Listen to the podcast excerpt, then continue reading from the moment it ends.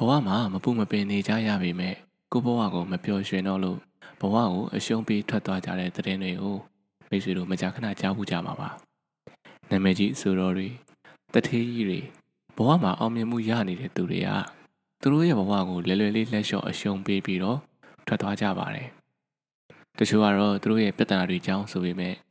တချို့ကတော့စိတ်ကြယောဂါတွေဖြစ်ပြီးတော့ထွက်သွားကြတာပါဒါတွေဟာဘာကြောင့်လို့ထင်ပါသလဲ တေချာတာတစ်ခုကတော့သူတို့ရဲ့ဘဝဟာအတိတ်ပဲမဲ့လာလို့စွန့်ခွာသွားကြတာပါ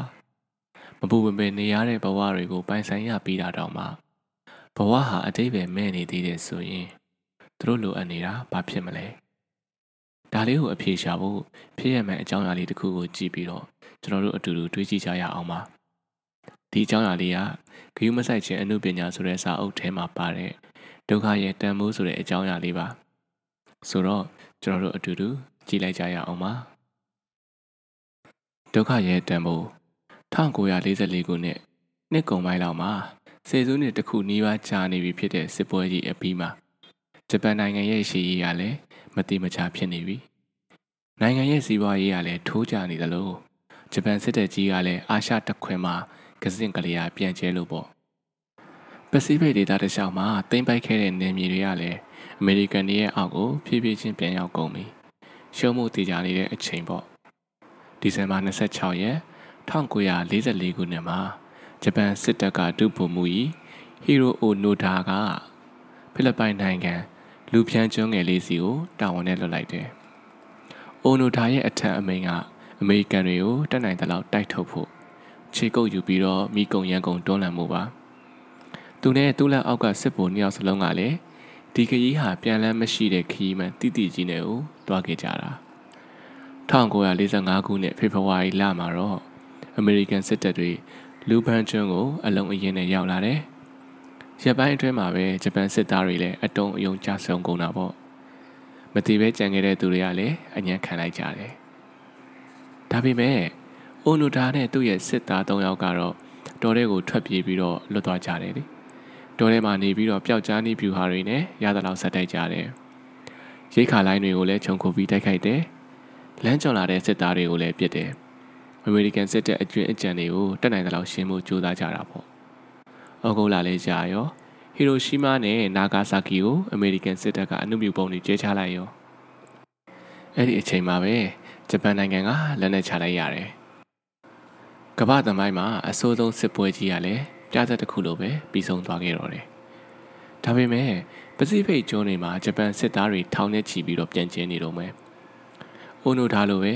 တောထဲမှာပုံနေပြီးတော့စစ်ကြီးပြီးသွားမှမသိကြဘူးအရင်လိုပဲချုပ်ကိုတိုက်ခိုက်တာတွေကိုဆက်လုပ်နေကြတော့အဲ့ဒီပြဿနာကအရှိအာရှကိုပြန်လည်တိဆောက်တုံးကကြုံရတဲ့အဓိကပြဿနာပါအစိုးရတွေကလည်းဒီပြဿနာကိုဖြေရှင်းဖို့တခုခုတော့လုပ်မှရမယ်ဆိုပြီးတော့သဘောတူကြတယ် အမေရိကန်နဲ့ဂျပန်အစိုးရပူးပေါင်းပြီးတော့ပစိဖိတ်ဒေသတလျှောက်မှာသတင်းစာရက်တွေကိုလီယင်မော်ကနေကျဲချပေးတယ်စစ်ကြီးပြီးသွားပြီအားလုံးအိမ်ပြန်လာလို့ရပြီဆိုပြီးတော့ကြေညာပေးတာပါ။အိုနိုရာနဲ့တခြားစစ်သားတွေကလည်းဒီစာရွက်တွေကိုဖတ်ရတယ်။ဒါပေမဲ့အိုနိုရာကတယောက်တည်းတော့သူကမယုံဘူး။တမင်တက်တက်လောက်ကြံလိန်ညာပြီးတော့ဝေတဲ့စာရွက်တွေလိုပဲသူကထင်နေခဲ့တယ်။သူတို့ကိုမြားပြီးတော့ခေါ်ထုတ်တာပဲလို့သူကတွေးတယ်။ အဲဒီတော့စာရွက်တွေကိုမိရှို့ပြီးတော့သူ့တကိုယ်တော်ပဲစစ်ပွဲကိုဆက်တိုင်နေတယ်။ဒီလိုနဲ့9နှစ်လောက်ထပ်ကြာသွားရောစာရွက်တွေကလည်းမလာတော့ဘူးအမေရိကန်စစ်တပ်တွေကလည်းအိမ်ပြန်သွားတာကြားလာပြီလူပန်းကျွန်းသူကျွန်းသားတွေကလည်းသူတို့ရဲ့ပုံမှန်ဘဝမှာပြန်နေနေကြပြီဒါပေမဲ့တော်ပုံကြီးအိုနိုဒါတို့အဖွဲ့ကတော့မရှိတော့တဲ့စစ်ပွဲကြီးကိုတဲကြီးမဲကြီးတိုင်နေတော့မယ်လယ်သမားတွေကိုတွေးရင်ပြစ်တယ်စိုက်ခင်းတွေကိုမိရှို့တယ်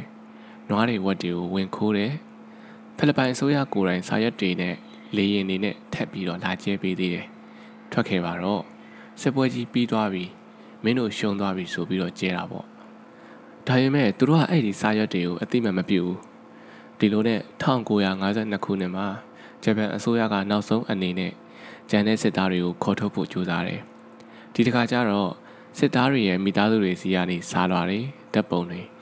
ဂျပန်ဘရင်ကိုယ်တိုင်လက်မှတ်ထိုးထားတဲ့စားကြောလွာတွေပါလေရင်နဲ့ကျဲချပေးလိုက်တယ်ဒါလည်းအိုနိုဒါတယောက်ကတော့မယုံသေးဘူးအမေရိကန်တွေလီဆယ်လိန်ညာနေတာပဲလို့ဆက်ဆက်မြဲမြဲမှတ်ထားတာသူကတော့ဆက်ပြီးတော့တပုံထားနေတော့မယ်နောက်အနှစ်နှဲငယ်ထက်ကြတော့ဖိလစ်ပိုင်နယ်သားတွေကလည်းတိမခံနိုင်တော့ဘူးကိုရိုင်လက်နဲ့ဆွဲပြီးတော့တောထဲကိုပြန်ပစ်ပါလိရော1959ကျတော့အိုနိုဒါရဲ့စစ်သားတယောက်ကအညံ့ခံလိုက်တယ်တယောက်ကတော့အသက်ခံလိုက်ရတယ် ဒီလိုနဲ့နောက်10နှစ်ထပ်ကြာသွားတယ်အိုနိုဒါရဲ့နောက်ဆုံးနောက်လိုက်ကိုဇူကာကလည်းအပြစ်ခံလိုက်ရပြီကိုဇူကာတယောက်ကဒုတိယကမ္ဘာစစ်ကြီးပြီးသွားလို့နှစ်အစိတ်ကြာတဲ့တိုင်အောင်ရွာကစပားခွင်းတွေကိုမီးရှို့ပြီးတော့တောင်းကျမ်းနေတော့မှပဲအပြစ်ခံလိုက်ရတာသူတို့ရဲ့ဘဝတစ်ဝက်လောက်ကိုတောထဲမှာပဲအချိန်ကုန်သွားတဲ့အိုနိုဒါကအခုတော့တယောက်တည်းပဲကျန်တော့တယ်1982ခုနှစ်မှာကိုဇူကာရဲ့တည်င်းကဂျပန်ကိုတုံးလုသွားစေခဲ့တယ် တနိုင်ငံလုံးကစစ်သားတွေအကုန်လုံးအိမ်ပြန်ရောက်နေပြီလို့ထင်ခဲ့ကြတာ哦ဂျပန်သတင်းမီဒီယာကလည်းစဉ်းစားမိသွားတယ်ကိုဇူကာတယောက်1982ခုနှစ်ထိအသက်ရှင်နေတုန်းဆိုရင်အိုနိုဒါကလည်းအသက်ရှင်နိုင်သေးတယ်ဆိုတာကိုသူလို့သူလို့ဖြစ်လာကြရောအဲ့ဒီနှစ်တွေမှာဂျပန်အစိုးရနဲ့ဖိလစ်ပိုင်အစိုးရပူးပေါင်းပြီးတော့တောထဲကိုတပ်ဖွဲ့တွေဆေးလွှတ်လိုက်တယ်နောက်ဆုံးစစ်သားနောက်ဆုံးသူရဲကောင်နောက်ဆုံးတစီအိုနိုဒါကိုရှာဖို့ပါ ဒါပေမဲ့သူတို့အိုနိုဒါကိုရှာမတွေ့ခဲ့ကြဘူးလာပေါင်းများစွာကြာတော့အိုနိုဒါရဲ့အဖြစ်ပြက်ကယုံနှံစကားလိုလိုပုံမြင်တစ်ခုလိုလိုဖြစ်လာခဲ့တယ်တချို့ကတော့သူ့ကိုအားကျပြီးတော့ကြီးညိုကြတယ်တချို့ကတော့သူ့ကိုအပြစ်တင်ခဲ့ရကြတယ်တချို့ကတော့ဒါတွေအားလုံးဟာလူအထင်ကြီးအောင်တမင်ဖန်တီးထားတဲ့အိယာဝင်ပုံမြင်တစ်ပုတ်ပဲလို့သတ်မှတ်လိုက်ကြတယ်အဲ့ဒီအချိန်လောက်မှာပဲအိုနိုဒါရဲ့အကြောင်းကိုနီရိုဆူဇူကီဆိုတဲ့တယောက်ကစပြီးတော့ကြားတယ် ဆူဇူကီကလည်းစုံစမ်းမှုတွေကိုခုံမင်းတဲ့သူစစ်အပီမှာမွေးဖွားခဲ့တဲ့သူကျောင်းကနေထွက်ပြီးတော့အာရှတခွင်မှာရှိတဲ့တောတွေတောင်တွေအရှိအလဲပိုင်းဒေသတွေအာဖရိကနေမြေတွေကိုစုံစမ်းပြီးတော့ခီးထွက်နေတဲ့သူတွေ့တဲ့နေရာမှာနေ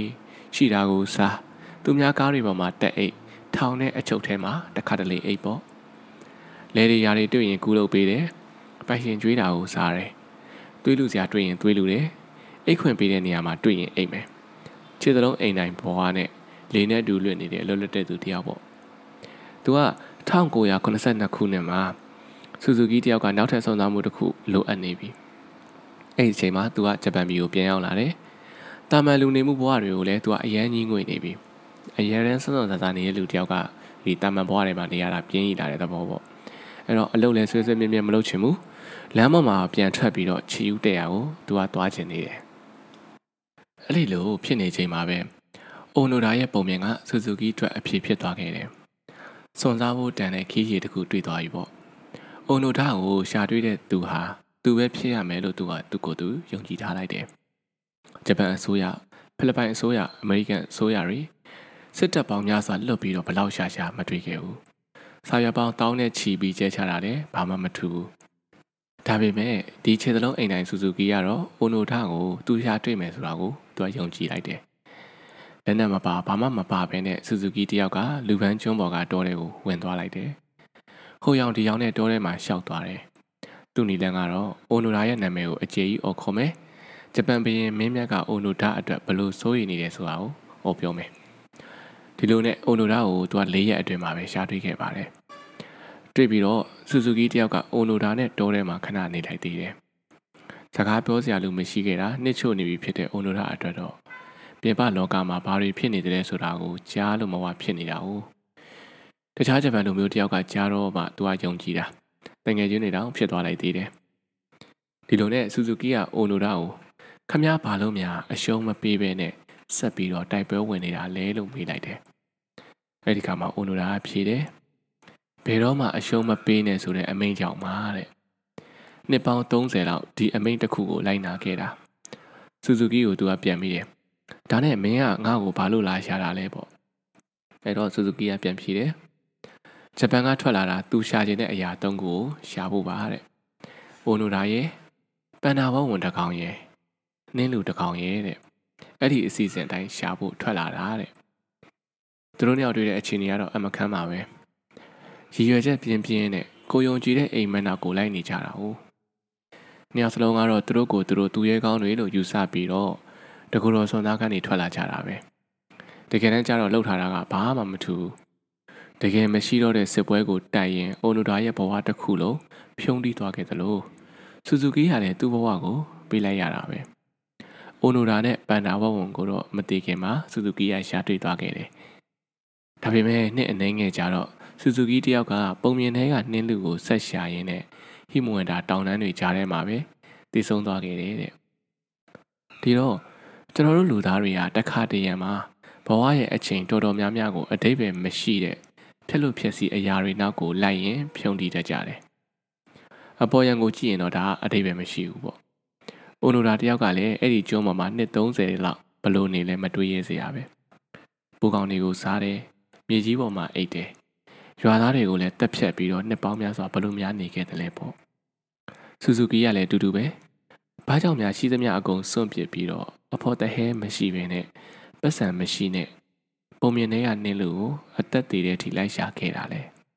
။အိုနိုဒါကတော့ဘာကိုမှနောက်တာမရဘူး။လူပန်းမှာနေခဲ့တဲ့အချိန်တွေသူလုပ်ခဲ့တာတွေအတွက်သူကဂုံယူနေတယ်။မရှိတော့တဲ့ empire ကြီးကိုဘဝတဝက်စာပုံပေးပြီးတော့တစ္ဆာရှိခဲ့တာကိုဂုံယူတယ်။ ဆူဇူကီသာအသက်ရှင်နေသေးရင်လည်းဒီလိုပြောမှာပဲ။ကိုလုပ်ဖို့ရည်ရွယ်ထားတဲ့အရာကိုလုပ်တာနောက်တာမရဘူးဆိုပြီးတော့ပေါ့။နှစ်ယောက်စလုံးဟာကိုဒုက္ခကိုကိုရွေးချယ်သွားကြတဲ့သူတွေပါဟီရိုအိုနိုဒါကလည်းပျောက်ကွယ်သွားပြီဖြစ်တဲ့အင်ပါယာကြီးအတွက်ဒုက္ခခံမှုသူရွေးခဲ့တယ်ဆူဇူကီကလည်းစွန်စားခန်းတွေအတွက်ဒုက္ခခံမှုရွေးခဲ့တယ်နှစ်ယောက်စလုံးအတွက်သူတို့ရွေးခဲ့တဲ့ဒုက္ခတွေကသူတို့အတွက်တော့အတိတ်ပဲပြေဝနေတယ် ဒါကြောင့်မို့လို့ဒီဒုက္ခကိုကြည်တည်နက်နက်ကြီးခံနိုင်ခဲ့ကြတာတကယ်တော့ဒုက္ခဆိုတာရှောင်လို့မရဘူးဆိုရင်ကျွန်တော်တို့ဘဝပြဿနာတွေစီကနေထွက်ပြေးလို့မရဘူးဆိုရင်ကျွန်တော်တို့တကယ်တမ်းမေးရမယ့်မေးခွန်းကဒုက္ခကိုဘယ်လိုရပ်တန့်ရမလဲဆိုတဲ့မေးခွန်းမဟုတ်ဘူး။ဘာကြောင့်ဘာအတွက်ဒုက္ခခံနေရတာလဲဆိုတဲ့မေးခွန်းကသာအမှန်ဖြစ်တယ်။1984ခုနှစ်မှာအိုနိုဒါဂျပန်ပြည်ကိုပြန်ရောက်လာခဲ့တယ်။ လူတွေကလည်းသူ့ကိုတောင်းတောင်းဖျားဖျားကြိုဆိုကြတာပေါ့။ရေဒီယိုတွေမှာလည်းစကားပြောဖို့ဖိတ်ခံရတယ်။နိုင်ငံရေးကောင်းဆောင်တွေကလည်းလက်ဆွဲနှုတ်ဆက်ကြတယ်။အစိုးရတွေကလည်းထောက်ပံ့ကြေးတွေအများကြီးပေးကြတယ်။စာအုပ်တအုပ်တောင်မှရေးပြီးထုတ်လိုက်သေးတယ်။ဒါပေမဲ့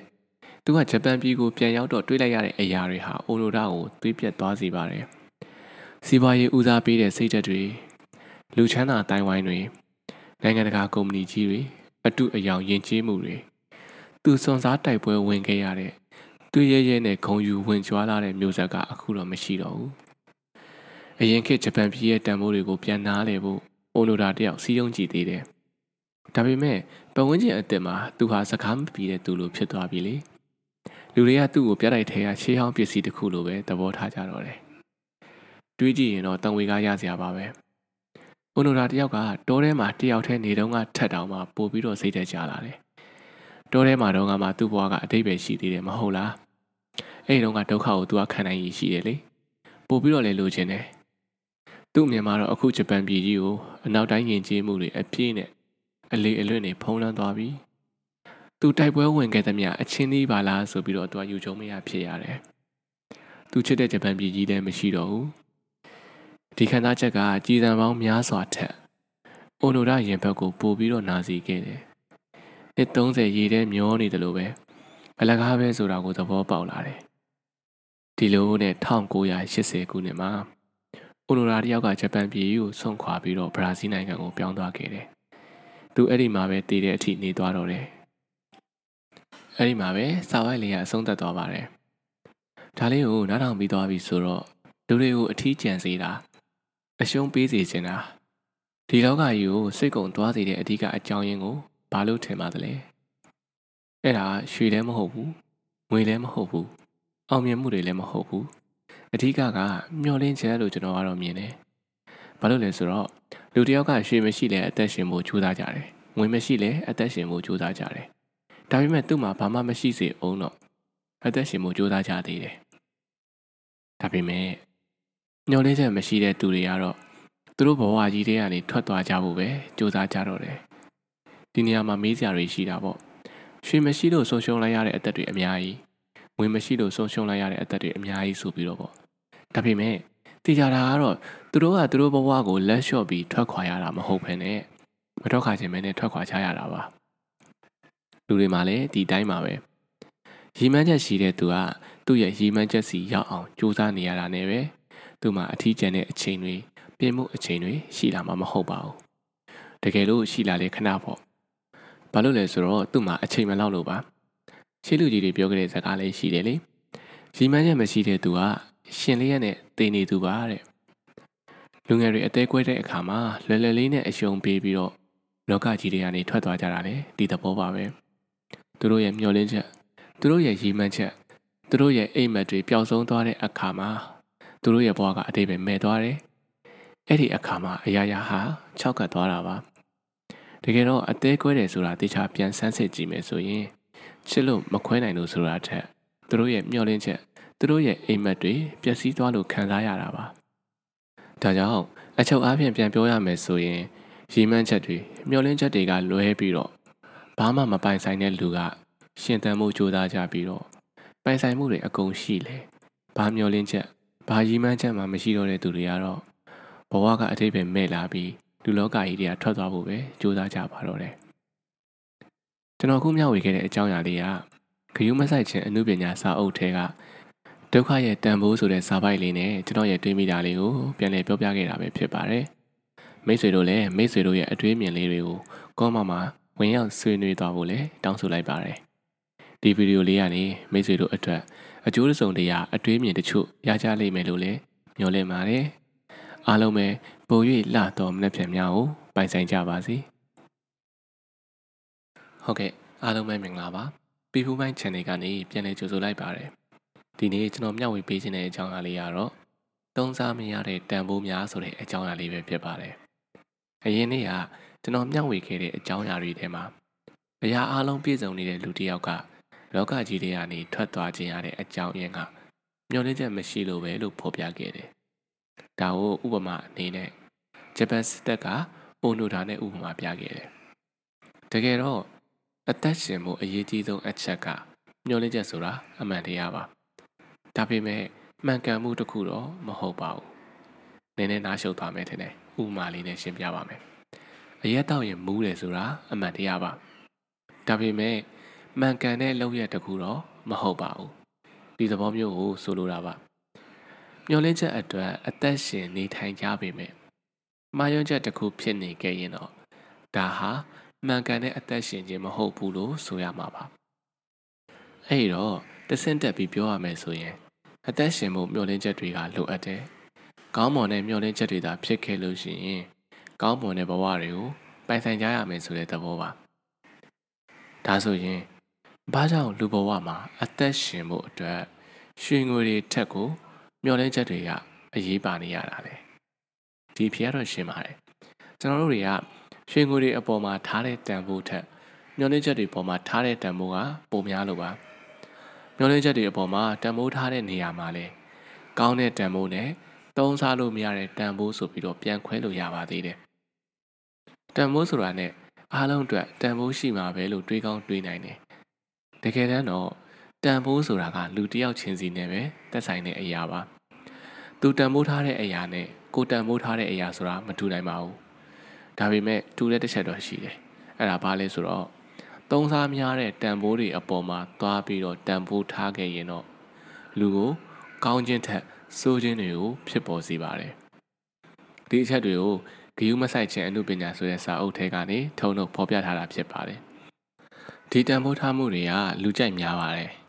လူကြိုက်တာများတာတကယ်တမ်းကျတော့ဒီတန်ဖိုးတွေကရှင်းမရတဲ့ဒုက္ခတွေကို တည်ဆောင်လာပေးပါတယ်အဲ့တော့ဘာလဲဆိုတာကြည့်ရအောင်ပါနံပါတ်1ကတော့တာယာမှုပါတာယာမှုဆိုတာကောင်းပါတယ်ဒါပေမဲ့ဘဝမှာအဓိကထားရမယ့်တန်ဖိုးတစ်ခုတော့မဟုတ်ပါဘူးစေသမားတွေကိုပဲကြည့်ပါတာယာမှုနောက်ကိုလိုက်ရင်လည်းဘာဖြစ်သွားလဲမယငယ်လင်ငယ်ထားတဲ့သူတွေကိုကြည့်ပါသူတို့ရဲ့တာယာမှုကြောင့်မို့လို့မိသားစုဘဝတွေဘာတွေဖြစ်သွားသလဲဆိုတာ တာယာမှုဆိုတာနှဆိုးတစ်ပါးပဲမဟုတ်လားသူတေသနာစစ်တမ်းတွေအရာတာယာမှုနောက်ကိုလိုက်တဲ့သူတွေကအမြဲလိုလိုလှုပ်ခတ်နေတဲ့သူတွေများတယ်။စိတ်တည်ငြိမ်မှုမရှိဘူး။တာယာမှုဆိုတာအတုအယောင်တွေရဲ့ခေါင်းဆောင်ပဲဖြစ်တယ်။ဖမ်းရတာလွယ်တယ်လို့လွတ်ထွက်သွားဖို့ကလည်းသိလွယ်တယ်။ဒါပေမဲ့ကျွန်တော်တို့အမြဲတမ်းလာလာရောင်းနေတာတွေတော်တော်များများကလည်းတာယာမှုတွေဖြစ်နေတတ်တယ်။လူတိုင်းလိုချင်တာကလည်းဒါပဲလေ အာယုံပြောင်းအောင်စိတ်ထွက်ပေါက်ရအောင်လိုက်နေတာကလည်းဒါပဲဒါပေမဲ့တာယာမှုဆိုတာတခါတလေတော့လိုအပ်တာပေါ့ဘဝအတွက်လုံလောက်တဲ့စီးတစ်ခွက်တော့မဟုတ်ဘူးတာယာမှုကြောင့်မို့လို့ပျော်ရွှင်ခြင်းကိုမရနိုင်ဘူးတကောက်ကောက်လိုက်မရှာသင့်ဘူးကိုတန်မိုးထားတဲ့အရာကိုရအောင်လုပ်နိုင်တဲ့အခါတာယာမှုဆိုတာကအလိုလိုရလာပါလိမ့်မယ်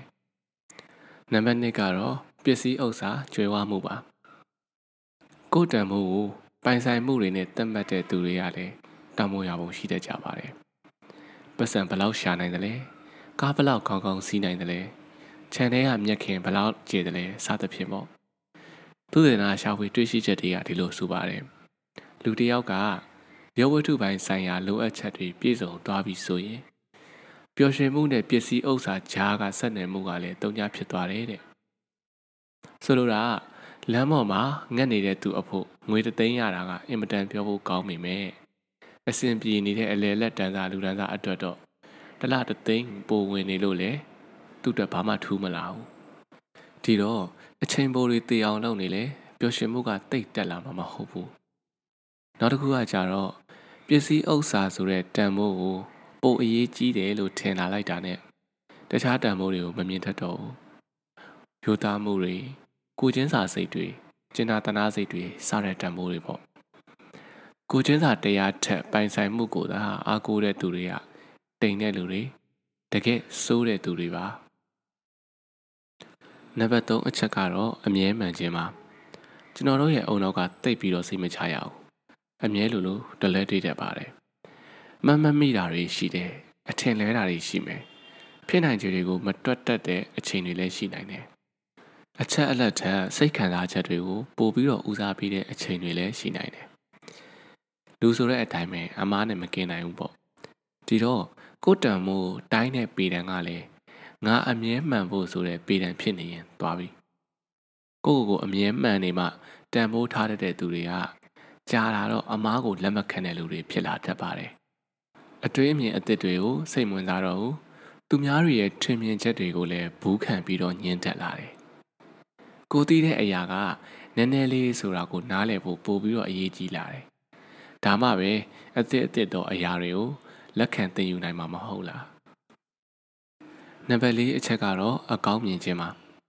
တချို့ကကြတော့အကောင်းမြင်မှုကိုအရေးကြီးတဲ့တန်ဖိုးတစ်ခုအဖြစ်နဲ့သတ်မှတ်တတ်ကြတယ်အလုပ်ပြုတ်သွားသလားကောင်းတာပေါ့နောက်ထပ်အလုပ်သစ်ရှာလို့ရပြီလေယောက်ျားကငါ့ညီမနဲ့လိုက်ပြီးသွားတယ်ကောင်းတာပေါ့လူတွေအကြောင်းကောင်းကောင်းသိရတာပေါ့ သားလေးကတော့လက်ချောင်းကင်ဆာနဲ့တည်တော့မယ်ကောင်းတာပေါ့ကျောင်းသားကမကုန်တော့ဘူးလေအစိုးရကအကောင်းဆိုတဲ့စကားရှိတယ်ဆိုတာမှန်ပေမဲ့တခါတလေမှာအဆိုးကြီးပဲရှိတာတွေလည်းရှိပါသေးတယ်ဒါကိုလက်ခံတမ်းမှစိတ်ကြမ်းမှကြီးကောင်းပါမယ်အစိုးတွေကိုဟင်းအင်းဆိုပြီးတော့ခေါင်းခပြနေရင်စူးနေတဲ့စူးကိုဖိတွန်းလိုက်တယ်လို့ပါပဲမြင်တော့မမြင်ရတော့ဘူးအထက်ရောက်မှပိုဒုက္ခပြီးတော့မှာ ဒါကြောင့်အမြဲတမ်းအကောင်းမြင်နေတယ်ဆိုတာတကယ်တော့ရှောင်ပြေးခြင်းတတ်တတ်ပဲမဟုတ်လားပြဿနာကိုတကယ်ဖြေရှင်းတာမှမဟုတ်တာကိုယ့်ကိုတကယ်အားရှိစေမဲ့ဒုက္ခကိုရင်ဆိုင်ခြင်းနဲ့စိတ်ဓာတ်တွေဖုံးထားလို့မဖြစ်ဘူးရှင်းရှင်းလေးပါတလဲတွေကတော့ဖြစ်မှာပဲလူတွေကကိုယ့်ကိုစိတ်ညစ်အောင်လုံအောင်ပါပဲမတော်တဆမှုတွေဆိုတာလည်းရှိအောင်ပါပဲဒါဘာမှမဖြစ်ဘူးစိတ်ဆင်းရဲစရာတွေဆိုတာစိတ်ချမ်းသာရေးအတွက်မရှိမဖြစ်လိုအပ်တဲ့အရာတွေပါ အဲဒီတော့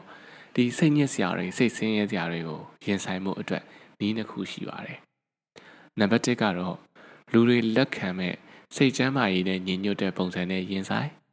နံပါတ်2ကတော့ကိုတန်မိုးထားတဲ့အရာတွေနဲ့မညီအောင်ရင်ဆိုင်ပေါ့ဥပမာပြောမယ်ဆိုရင်ကျွန်တော်တန်မိုးထားတဲ့အရာတွေတွေကတခုကအကြမ်းမဖက်ခြင်းပဲဆိုပါတော့တရားရောက်ကိုမကြည်နဲ့ရင်ကျွန်တော်စိတ်ထဲမှာဒေါသစိတ်ဖြစ်လာတယ်အဲ့ဒီဒေါသစိတ်ကိုလည်းကျွန်တော်ကအသိမဲ့ပြုရမယ် ဒေါသဖြစ်ကြောင်းလည်းပြရမယ်စိတ်ထဲမှာမြုံထားလို့မရဘူးလေဒါပေမဲ့ဒေါသထွက်လို့ကွာဆိုပြီးတော့မျက်ခွက်ကိုပိတ်ထိုးလို့ရလဲမရပြန်ဘူးအကျမ်းမဖက်ခြင်းဆိုတဲ့ကျွန်တော်ရဲ့တန်ဖိုးနဲ့လာညှိနေရအောင်အဲ့တော့ဒေါသစိတ်ဟာတဘာဝတရားတစ်ခုဖြစ်တယ်ဆိုတာကိုတော့မမေ့သင့်ဘူးတချို့အချိန်တွေမှာတိတ်သုံးဝင်တယ်ဒေါသကပြဿနာမဟုတ်ဘူးဒေါသထွက်လို့မျက်နာကိုသွားပြီးတော့ထိုးလိုက်တာကမှပြဿနာဒီတော့ ကိုကိုကိုအမြဲအကောင်းမြင်နေကိုအတင်းလောက်ယူနေရင်ကိုယ်စိတ်ပြဿနာတွေကအဖျားငုတ်သလိုဖြစ်သွားတတ်တယ်ခဏတော့ခြေရာပျောက်သွားပြီမဲ့မကြခင်အဖျားကြီးဖျားတော့မှလေပြဿနာအခက်ခဲတွေကကျွန်တော်တို့ရဲ့ဘဝတွေကိုပို့ပြီးတော့အတိတ်ပဲရှိသေးတယ်အလွန်အမင်းအကောင်းမြင်စိတ်တွေကဘဝကိုအတိတ်ပဲမဲ့သွားစေတတ်ပါတယ်မာရသွန်ပြိုင်ပွဲတစ်ခုမှာပန်းဝင်အောင်ပြေးနိုင်တာချောကလက်ကိတ်တစ်လုံးစားရတာထက်တော့ပိုပြီးတော့ပျော်စေတယ်မဟုတ်လား ဒီလိုပါပဲကလေးတယောက်ကိုအရွယ်ရောက်တဲ့အထိပြုစုပြိုးထောင်နိုင်တဲ့ခံစားချက်ကလည်းဗီဒီယိုဂိမ်းတစ်ခုနိုင်သွားတာထက်တော့ပိုပြီးတော့ပြောဖို့ကောင်းမှအသေးချပါအခက်အခဲတွေကြားကလုပ်ငန်းငယ်လေးတစ်ခုတီထောင်လိုက်နိုင်ခြင်းကလည်းကွန်ပျူတာအသစ်တစ်လုံးဝယ်တာထက်ပိုပြီးတော့ပြောစရာကောင်းပါတယ်ဒါပေမဲ့အဲ့ဒီအလုပ်တွေကစိတ်ဖိစီးမှုတော့များတယ်ပြင်းမှုကောင်းရင်လည်းကောင်းလိမ့်မယ်စိတ်ညစ်စရာကောင်းရင်လည်းကောင်းလိမ့်မယ် ပြဿနာတစ်ခုပြီးတစ်ခုကိုလည်းရင်ဆိုင်ရနိုင်တယ်ဒါပေမဲ့ဘဝမှာအတိတ်ပဲအရှိဆုံးအချိန်တွေကိုလည်းယူဆောင်လာပေးနိုင်ပါတယ်နာကျင်စရာတွေရုန်းကန်ရခြင်းတွေဒေါသတွေတောကတွေနဲ့ပြည့်နေပြီမဲ့ပန်းဝင်သွားတဲ့အချိန်မှာတော့တသက်စာစမြုပ်ပြန်ရင်းနဲ့ပီတိစားရမယ့်အရာတွေဖြစ်လာပါတယ်ဒုတိယပြောတာကြားဘူးတယ်တနေ့ကျတော့တဲ့နောက်ကိုပြန်လဲကြည့်တဲ့အခါမှာ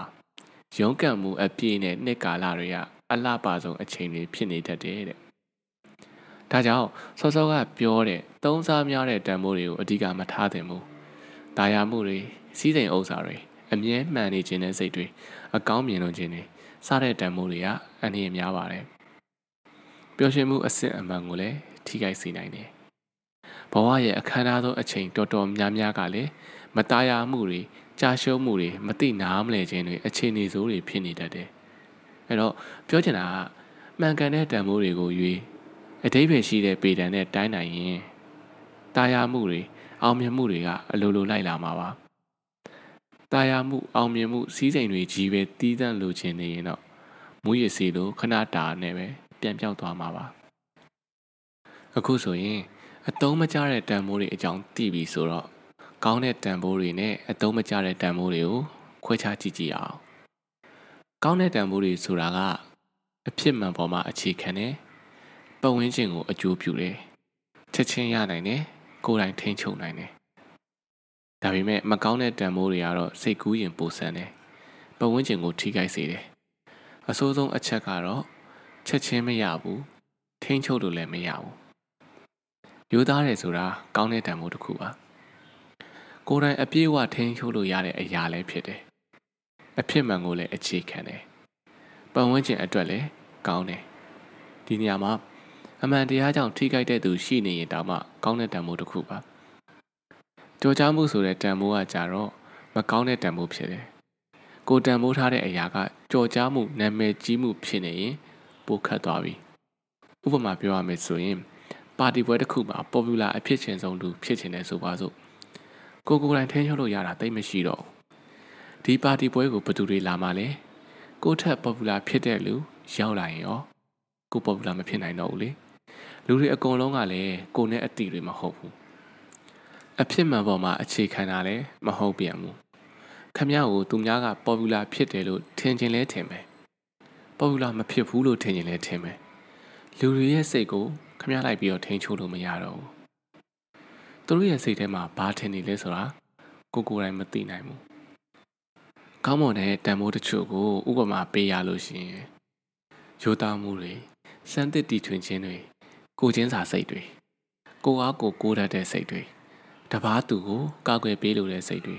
မိမိကိုယ်ကိုလေးစားမှုတွေစူးစမ်းလေးလာစိတ်တွေစေစနာတွေကိုချင်းစာတရားတွေဒါတွေကိုပဲဖော်ပြရမှာပါကောင်းတဲ့တန်မိုးတွေကိုတတိထားပြီးလေးလာကြည့်မယ်ဆိုရင် ဒီတန်မိုးတွေကကိုယ့်ရဲ့အတွင်းစိတ်ထဲမှာအခြေခံနေတာကိုတွေ့ရလိမ့်မယ်ကိုအားကိုကိုးတတ်တဲ့စိတ်တွေစေတနာထားတတ်တဲ့စိတ်တွေဆိုတာက